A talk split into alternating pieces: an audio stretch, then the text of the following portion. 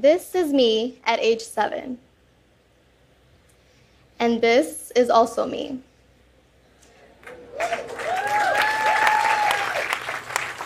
to be standing here in Kakuma refugee camp feels so surreal, and I'm overcome with so much emotion. These very grounds are where I was born and spent the first seven years of my life. I think many people are surprised to hear that I had a great upbringing here at Kakuma. But I was happy, I was smart, I had friends, and above all, I had hope for a brighter future. That's not to say that we didn't have our obstacles. I mean, boy, were there struggles. I would sometimes get sick with malaria and didn't always know where our next meal would come from. But the sense of community that is here in Kakuma and the pride that everyone here possesses is simply unparalleled. When I was younger, I remember conflicts breaking out. That tends to happen when people come from different backgrounds and don't speak the same language. Eventually, Swahili, the main language here, became our common ground. I made friends with the kids at the camp and even started embracing some of their cultures, celebrating holidays like Christmas, even though I was raised Muslim. The other kids would embrace my culture as well, sometimes even praying right alongside me. It was easy as children to come together, blend all of our beliefs to form our own unique multicultural environment. My name is Halima Aden, and I'm a black Muslim Somali American from Kenya. Some have called me a trailblazer.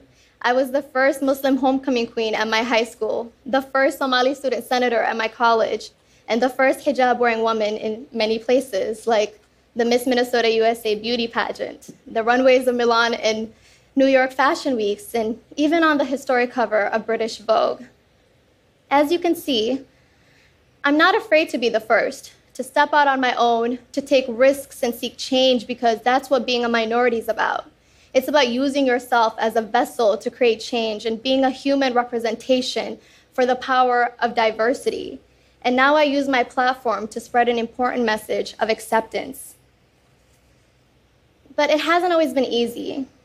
When we first arrived to the United States and made St. Louis, Missouri home, I remember asking my mom, Is this really America? there were things that were sadly familiar, like hearing gunshots at night and the streets looking impoverished. But there are things that were also very different. Like when I started first grade, I noticed how the kids played in groups. In America, we call them cliques. Back here, we all played together. Gender didn't matter, and race most certainly never mattered. I remember asking myself, why don't they understand Swahili? Swahili is the language that brings people together. to make matters worse, the school I was enrolled in didn't have an English immersion program. So every day I would get up, go to school, sit in my desk, and never learn a thing. This is when I started losing hope, and I wanted nothing more than return to Kakuma, a refugee camp. Soon my mother learned that many Somalis found refuge in a small town in Minnesota. So when I was eight, we moved to Minnesota. my life changed as I met other students who spoke Somali, attended a school that had an English immersion program, and found teachers that would go above and beyond, staying there after school hours and lunch breaks, dedicated to helping me find success in the classroom. Being a child refugee has taught me that one could be stripped of everything food, shelter, clean drinking water, even friendship. But the one thing that no one could ever take away from you is your education. So I made studying my top priority and soon started flourishing within the classroom. As I grew older, I became more aware of others and how they viewed my race and background. Specifically, when I started wearing the headscarf known as a hijab, when I first started wearing it, I was excited. I remember admiring my mother's and I wanted to emulate her beauty. But when I started middle school, the students teased me about not having hair, so to prove them wrong, I started showing them my hair. something that goes against my beliefs, but something I felt pressure to do. I wanted so badly to fit in at the time. When I reflect on the issues of race, religion, identity, a lot of painful memories come to mind. It would be easy for me to blame those of another culture for making me feel the pain I felt. But when I think deeper, I also recognize that the most impactful, positive, life changing events that have happened to me are thanks to those people who are different than me. It was at this moment that I decided to step outside of my comfort zone and compete in a pageant wearing a hijab and burkini. I saw it as an opportunity to be a voice for women who, like myself, have felt underrepresented. And although I didn't capture the crown, that experience opened so many doors for me.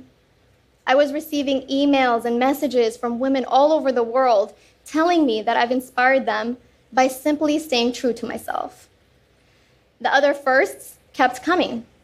I was invited to New York City by fashion icon Carine Roitfeld to shoot my very first editorial.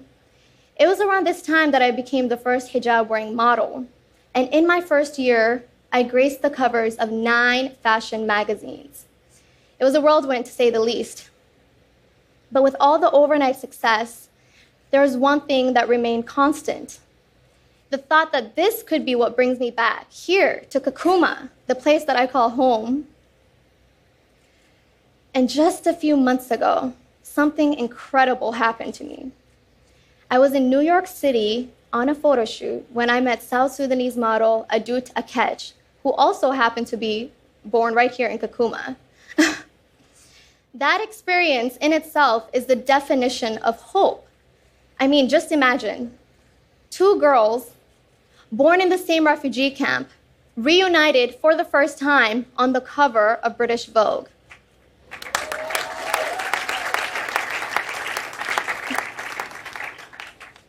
I was given the distinct pleasure of partnering up with UNICEF, knowing firsthand the work that they do for children in need.